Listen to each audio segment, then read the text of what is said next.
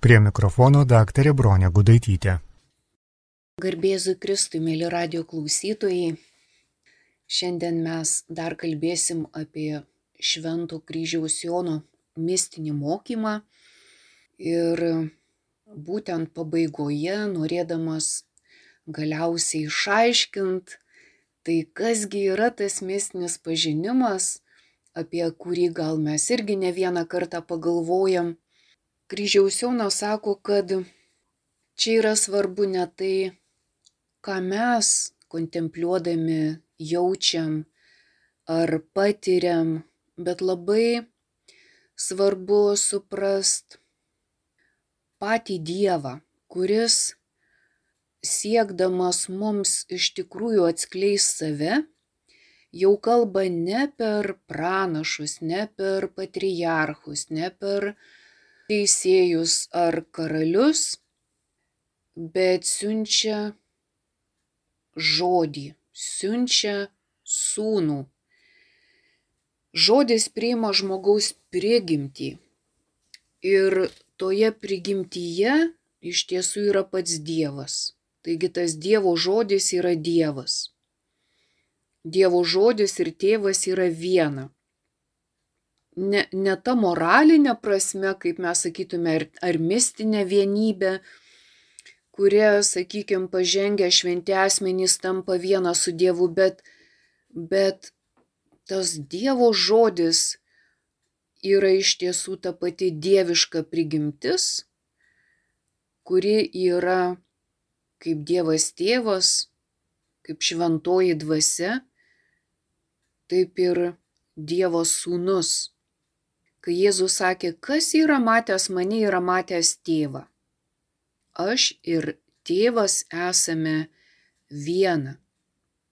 Taigi Dievas prabyla į mus per sūnų ir tokiu keliu, kad tarsi mes galėtume žvilgtelėti į patį Dievą, tarsi mes galėtume atpažinti Dievo karalystę, žmogystės debesyje, kaip kartais mystikai mėgsta debesį pasirinkti kaip, kaip tam tikrą žinojimo ir priedangą, bet kaip ir patį žinojimą ateinantį tokiu pavydalu.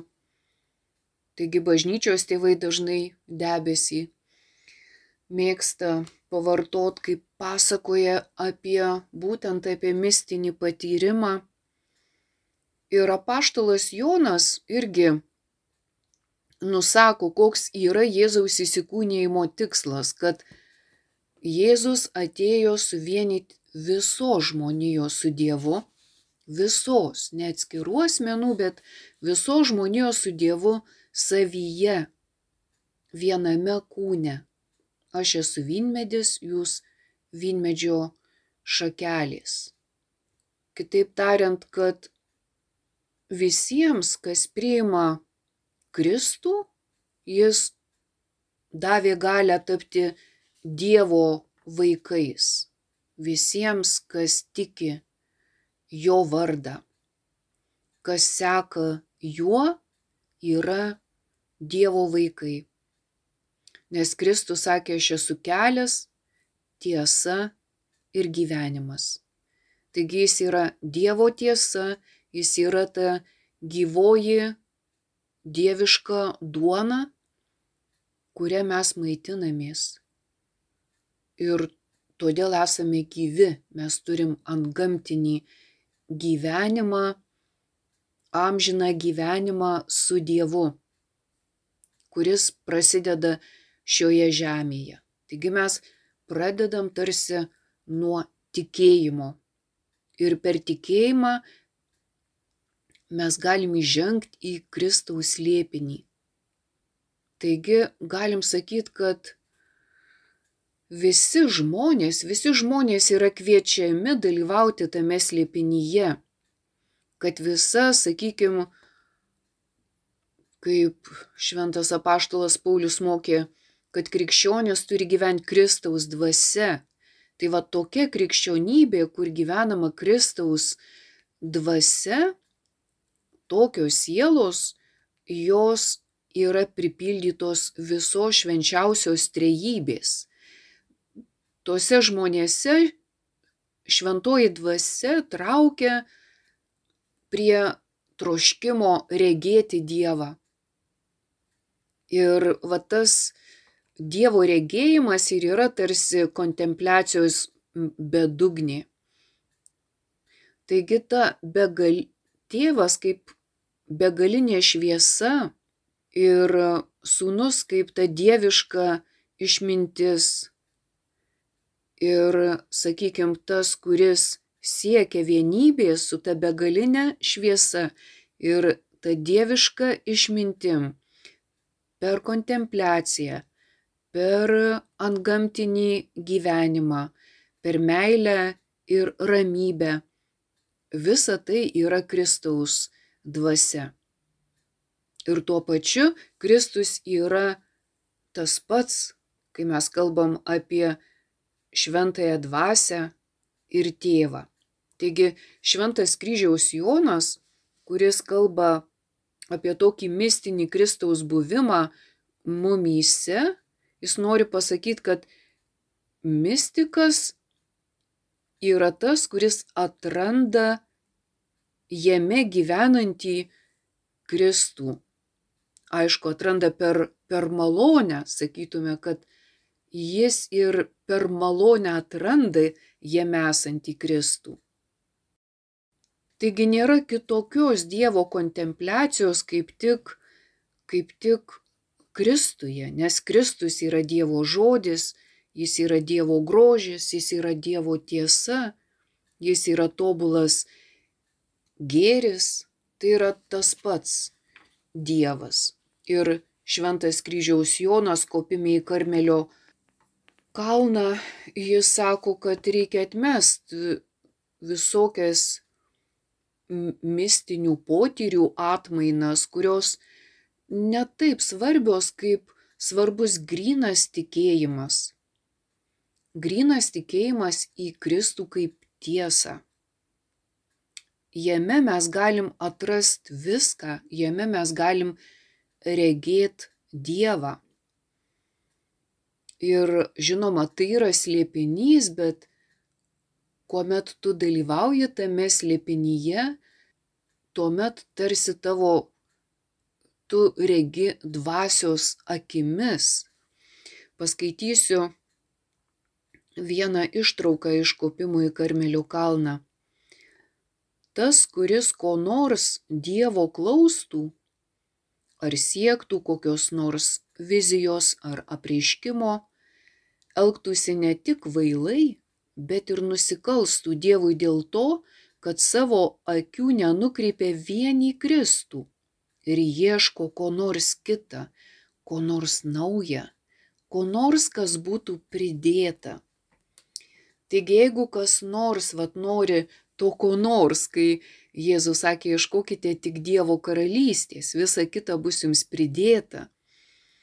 Taigi kryžiaus Jono sako, jeigu tu ieškai to ko nors, to ko nors kita, to ko nors nauja, to kur, ko nors labai egzotiška, elgies ne tik vailai, bet net ir nusikalsti. Taigi kryžiaus Jonas sako, jei kas nors prašytų Dievo naujo apreiškimo, Dievas greičiausiai jam atsakytų taip. Jei trokšti, kad atsakyčiau tau kokiu nors paguodo žodžiu, pažvelk į mano sūnų, kuris yra man pavaldus. Tapo pavaldus net žmonėms iš meilės man ir patyrė jų sukeltas kančias ir pamatysi, kiek daug jis tau atsako. Jei trokšti, kad praneščiau tau slaptas tiesas ar slaptus dalykus, nukreipk akis vien į jį vieną. Jame rasi slapčiausius lėpinius, jame rasi išmintį, jame rasi nuostabius Dievo dalykus kurie jame ir paslėpti. Apaštalas Paulius sako, šiame Dievo sūnuje paslėpti visi išminties ir Dievo pažinimo lobiai. Šie išminties lobiai tau bus daug didingesni, džiaugsmingesni ir naudingesni negu tai, ką tu taip trokšti žinoti. Taigi kryžiaus Jonas sako, kad tuomet, kai mes trokštam savo troškimu pažinti, kai mes norim, kad mūsų būtyje vat, atsirastų kažkas tokio egzotiško, egzotinės patirtys, tai ką mes pavadintume mistinėmis patirtimis, kada tarsi dėl mūsų valios pasirinkimo Dievas mus kažko apdovanotų visais, šiais atvejais įvyktų klaida. Jis sako, nereikia rūpintis niekuo, rūpinkis tik pažinti Kristų. Jame yra viskas paslėpta. Jis sako, taigi dvasinėje giesmėje jis kalba apie tą mislingą kopimą į stačios uolos urvus. Ir tie stačios uolos urvai ir yra tie Kristaus liepiniai, nes ta uola yra Kristus. Bet reikia įkopt. Taigi jis sako, kad kopimas tai tarsi žiūrėjimas į tą viršūnę, ar ne, tie, kurie kopia į kalnus, jie kaip tik visada žiūri į tą kalnų viršūnę. Bet ta kalno viršūnė yra būtent Kristus, ne, nesam mes. Taigi, kryžiaus Jonas perspėja, kad kartais siela ieško kontempliacijos, kuri tarsi būtų tokiu žemišku pavydalu, žemiškam mūsų gyvenime, bet jis sako, reikia trokšt dangiško palaimingo regėjimo. Dangiško tai tarsi vat, dang, danguje, ten, kur yra Dievas, kaip mes sakom, tėve mūsų, kuris esi danguje. Taigi dangus yra ten, kur Dievas. Tai mes turėtume trokšt ne savo kažko, bet turėtume trokšt paties Dievo. Ir tas tobulas regėjimas, apie kurį jis vis prakalba sieloje, jis atsiranda būtent tada, kai, kai mes susikoncentruojam ne į save. Jis sako, tai, kas, e, kas aukščiausia, tai aukščiausia išmintis, ji yra paslėpta Dieve. Taigi misnis Kristaus slėpinių suvokimas ir yra viena iš tų aukščiausių maldos malonių, bet kaip kryžiaus Jono sako, bet, bet tai ne pabaiga. Kitaip tariant, kai tu imi suvokt bent kiek Kristaus lėpinius, tai tavyje besiskleidžianti malonė, kryžiaus Jonas sako, pasyviai tave skaistina. Taigi tas kopimas įmanomas tik tai sielos skaistinimo būdu, keliu. Siela turi kopdama persikeist. Ir tas persikeitimas ir yra ta mistinė vienybė su Dievu, kuri keičia sielą. Dažnai mes norim nesikeis, kad niekas mumise nesikeistų, tik tai dar kažko gaut papildomai, kažką tarsi į save to turėjimo būdu įkraut. Bet kryžiaus Jonas kalba atvirkščiai. Jeigu nori kopt, tai, tai būsi skaistinamas. Tai reiškia, tapsi vis mažiau turintis. Net galiausiai atrodo nelieka net mūsų pačių. Kaip ir Šventas Paulius sakė, kad jau nebe aš, o manyje Kristus gyvena. Taigi dar paskaitysiu vieną citatą. Man iš visų šventųjų mažiausiajam atiteko malonė skelbti pagonėms nesuvokiamus Kristaus turtus. Čia yra Švento Paulių žodžiai. Ir atskleisti visiems, kaip turi išsipildyti šitas liepinys nuo amžių uždengtas Dieve. visų dalykų kūrėjuje, kad dabar per bažnyčią taptų žinoma kunigaikštystėms ir valdžioms danguje daugeriopą Dievo išmintis. Tai atitinka amžinai nutarimą įvykdytą mūsų viešpatyje Jėzuje Kristuje. Taigi Paulius sako, man iš visų šventųjų mažiausiam atiteko malonė skelbti nesuvokiamus Kristaus turtus, kad išsipildytų slėpinys nuo amžių uždengtas Dieve. Kitaip tariant, čia ne jam tas slėpinys, bet va, kada atiteko ta didžiausia malonė skelbti tą didžiausią slėpinį Kristų, kai jis tapo iš visų mažiausias. Kaip Paulius sakė, jeigu girtis, tai girtis tik silpnumu. Taigi yra labai panašus ir švento kryžiaus e, Jono žodžiai.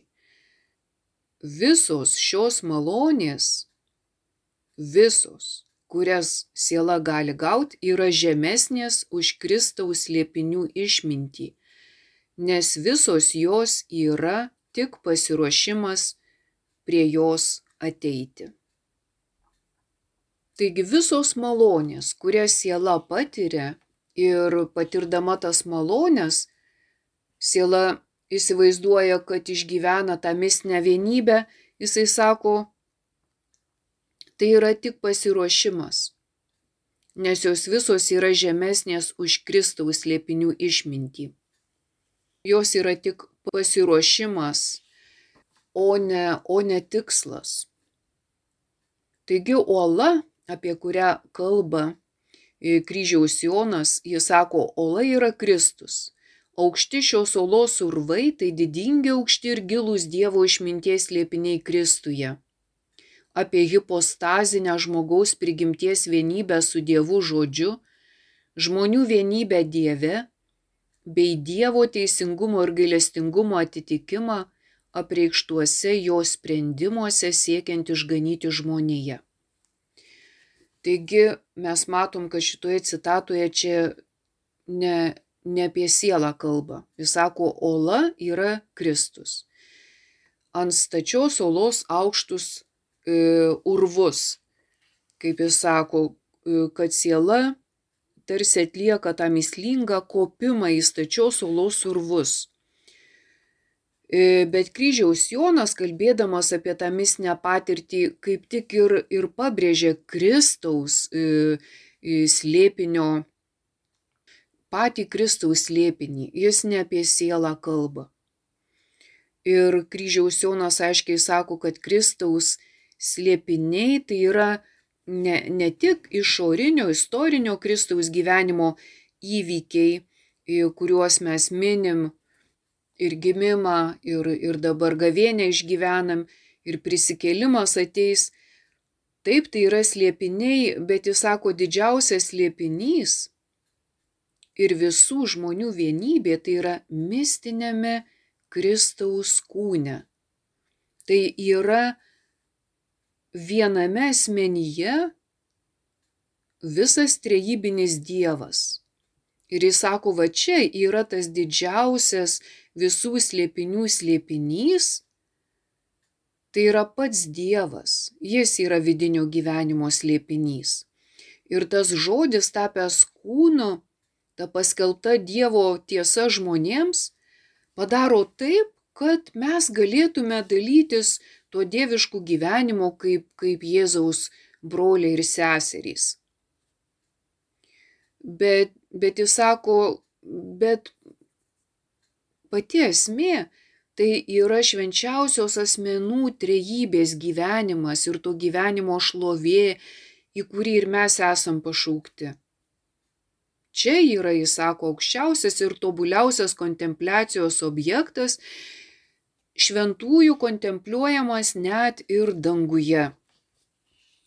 Kai mes galvojam apie Kristų, tai mes labiausiai pabrėžiam jų įsikūnymą.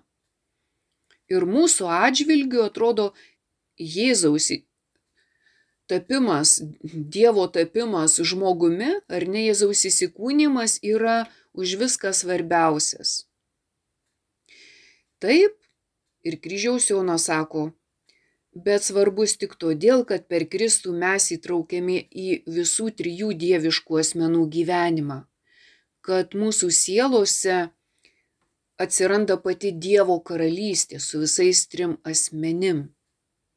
Kaip jis sako, va tas trijų dieviškų asmenų gyvenimas, kai mes priimam į savo sielą šventą dvasę, tą tobulybės raištį, meilę. Ir su ta meilė ta meilė jungia ir tėvą, ir sūnų. Ir mes lygiai taip pat įsijungiam į tą bendrą trejybės vidinį gyvenimą meilės, meilės būdu.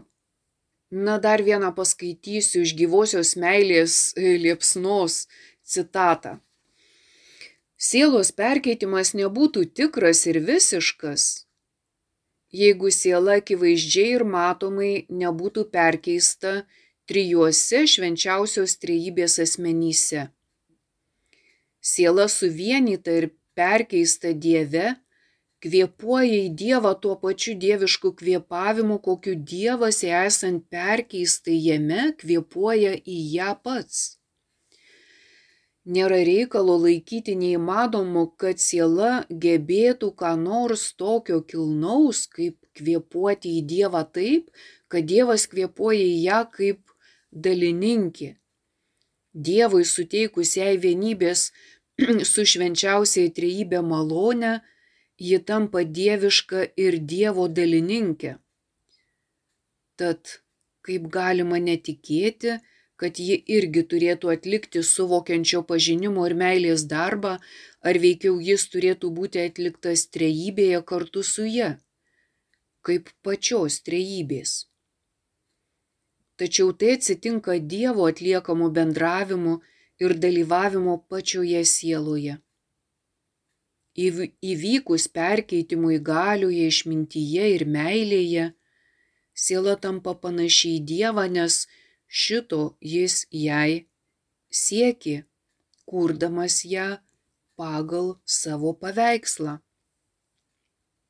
Taigi šventas kryžiaus Jonas, baigdamas aprašyti sielos susivienijimą su trimis dieviškais asmenim, jis aiškiai pasako, kad mes ir buvom sukurti šiam galutiniam tikslui, nes Dievas kūrė mus pagal savo paveikslą. Čia ir yra, kaip jis sako, to palaimingo regėjimo esmė. Ir būtent iš meilės iš meilės perkeičiama ir siela. Ir va ta sielos, e, kaip, kaip jis kalba, kad Dievas kvėpuoja į sielą, o siela kvėpuoja į Dievą. Tai tas kvėpavimas ir yra būtent pati meilė.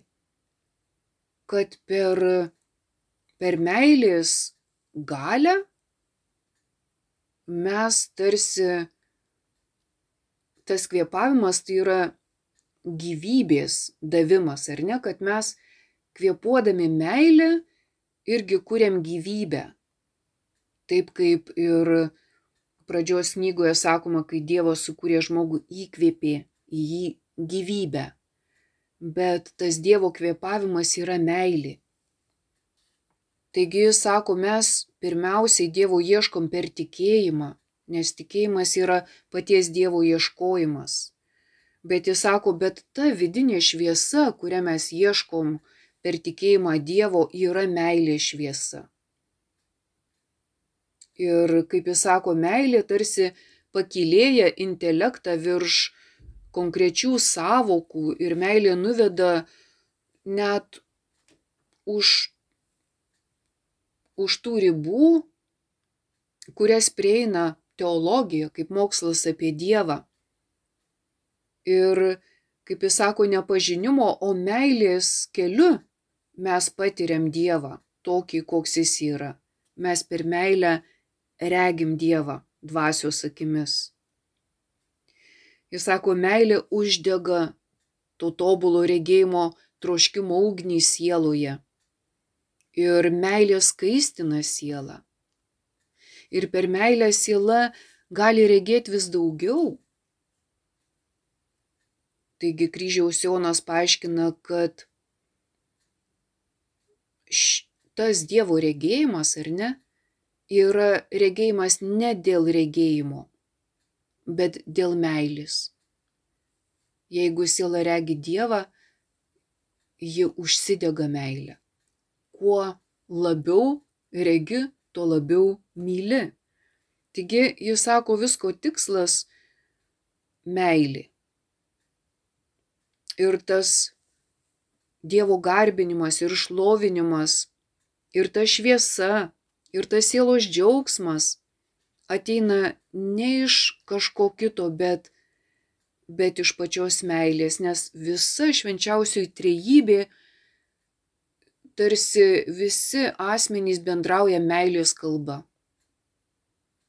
Meilė tai, kas jungia juos ir meilė yra tai, per ką mes galim prisijungti prie jų. Kitoje vietoje jisai kalba apie vat, tą meilės patyrimą kaip granatmedžio vaisių vyną. Vėl paskaitysiu citatą. Šis šviežias granatmedžio vaisių Kristaus liepinių vynas, kurio nuotaka sakosi paragausinti su sužadėtiniu, yra Dievo meilės pilnatvė ir džiaugsmas užtvindantis juos pažįstančią ir suprantančią sielą nes kaip iš daugelio granato sėklų jas išspaudus padaromas vienas šviežias vynas, taip iš visų Dievo stebuklų ir visų didingų dalykų, kurie įlėjami į sielą, jau užplūsta tik vienas meilės džiaugsmas. Tas meilės džiaugsmas yra tarsi šventosios dvasios gėrimas. Na va, mes žinom, kad kryžiaus Jonas yra poetas, bet tikrai jis parenka tuos įvaizdžius labai tinkamus. Ir sako, yra, kad ir daug tų granatos sėklyčių, ar ne, visas jas suspaudę mes gaunam vieną, vieną vyną, vienas meilės džiaugsmas, kaip jis sako. Ir pagaliau, kai tu ragauji tą Kristaus liepinių vyną, o jis yra vienas, tai yra tas meilės gėrimas, jis sako, tuomet tu išgyveni būseną, kurią ir pavadintum tą tikrąją tylą. Jis sako, tyla yra geriau už kalbą. Kalba yra būtina, nes tikėjimas, kaip jis sako, dažnai ateina klausantis. Bet pati kontempliacijos sėkla, jinai yra Dievo žodžio sėkla. Ir jinai bręsta e, tyloje. Ir tyla yra būtent toks ypatingas dalykas, kai atrodo, kad e, aplink didelis triukšmas, bet medžiai sproksta tyloje. Nesvarbu, kad tai yra miesto medžiai, bet žiedai prasiskleidžia tyloje visi tikri dalykai, jie vyksta tyloje. Nors atrodo, kad aplink, kaip mes kalbam, yra tas triukšmas, atrodo, kad tos tylos nėra. Net ten, kur atrodo, kad jos nėra, vyksta gyvybės gyvenimas, kuris yra tyla. Kryžiaus Jonas sako, kas nepažįsta meilės tylos, negali pažinti Dievo tylos. O tyla, kaip jis sako, visada skirta, ji ne, neegzistuoja, ji neegzistuoja niekam, ji skirta kažkam, kaip jis sako. Žodžiai ar tyla duoti dėl Kristaus. Kristuje mirštame kūnui, bet gyvename dvasiai. Kristuje mirštame iliuzijai, bet gyvename tiesai. Gyvenimas ir mirtis. Jie vyksta tyloje. Mes kalbam apie didžiojo penktadienio tylą, bet taip pat kalbam ir apie Velykų ryto ramybę. Taigi ten, kur vyksta tikras gyvenimas, nors išorėje jis būtų labai triukšmingas, bet jis skleidžiasi tyloje. Tyloje mokomės atskirti, kas pabėga nuo tylos, praranda gebėjimą atskirti, praranda gebėjimą matyti aiškiai. Taigi, žmogus, kuris myli Dievą, jis yra tyloje. Jis nebijo triukšmo, bet jis jo nepastebi būdamas tyloje. Jis ir triukšme gali būti tyloje. Kryžiaus Jonas sako, yra ir dorybės tyla, meilės tyla, tikėjimo tyla, vilties tyla. Ir visa ta tyla yra pačiame Dieve. Taigi, kai tu esi su Dievu, tu mokaisi tų ramybės ir tylos kelių. Jis sako, tikras gyvenimas tai yra dvasinis dalykas, o dvasiniai dalykai yra tylus. Marija, ji yra būtent kontempliacijos paveikslas, bet ji gyveno tyloje. Ir Marija visais atžvilgiais yra pavyzdys kontempliuotojams ir, ir mystikams. Tas jos paprastumas, tylumas, nuolankumas. Ji buvo tikra atsiskyrėlė, ji viską laikė savo širdyje. Taigi ji gyveno kaip ta atsiskyrėlė, kuri tuo pačiu slėpėsi savo, savo sūnaus e, slėpiniuose. Ji vaikščiojo po žemę, šlavė grindis, gamino pietus staliams, bet viduje ji buvo visiškoje tyloje. Ji viską saugojo širdyje. Bet mes žinom, kad ir Juozapas buvo labai tylus, labai kuklus, labai nuolankus, bet jo klausė pats Dievas. Ir mes matom, kad tiek Juozapo, tiek Marijos misija tai buvo tarsi pabudinti žmonių sielos ir suteikti tą galimybę ateit mal maloniai į pasaulį. Todėl jie buvo toje didingoje tyloje, kurioje augo pats Dievas. Taigi matom, kad toje kontempliacijos ramybėje ne, ne mes turėtume aukti, bet Dievas. Ir Dievas, vad kažkokiu momentu sielą gali sudrebint taip kaip pasaulyje, ar ne, pažadinti ją iš miego.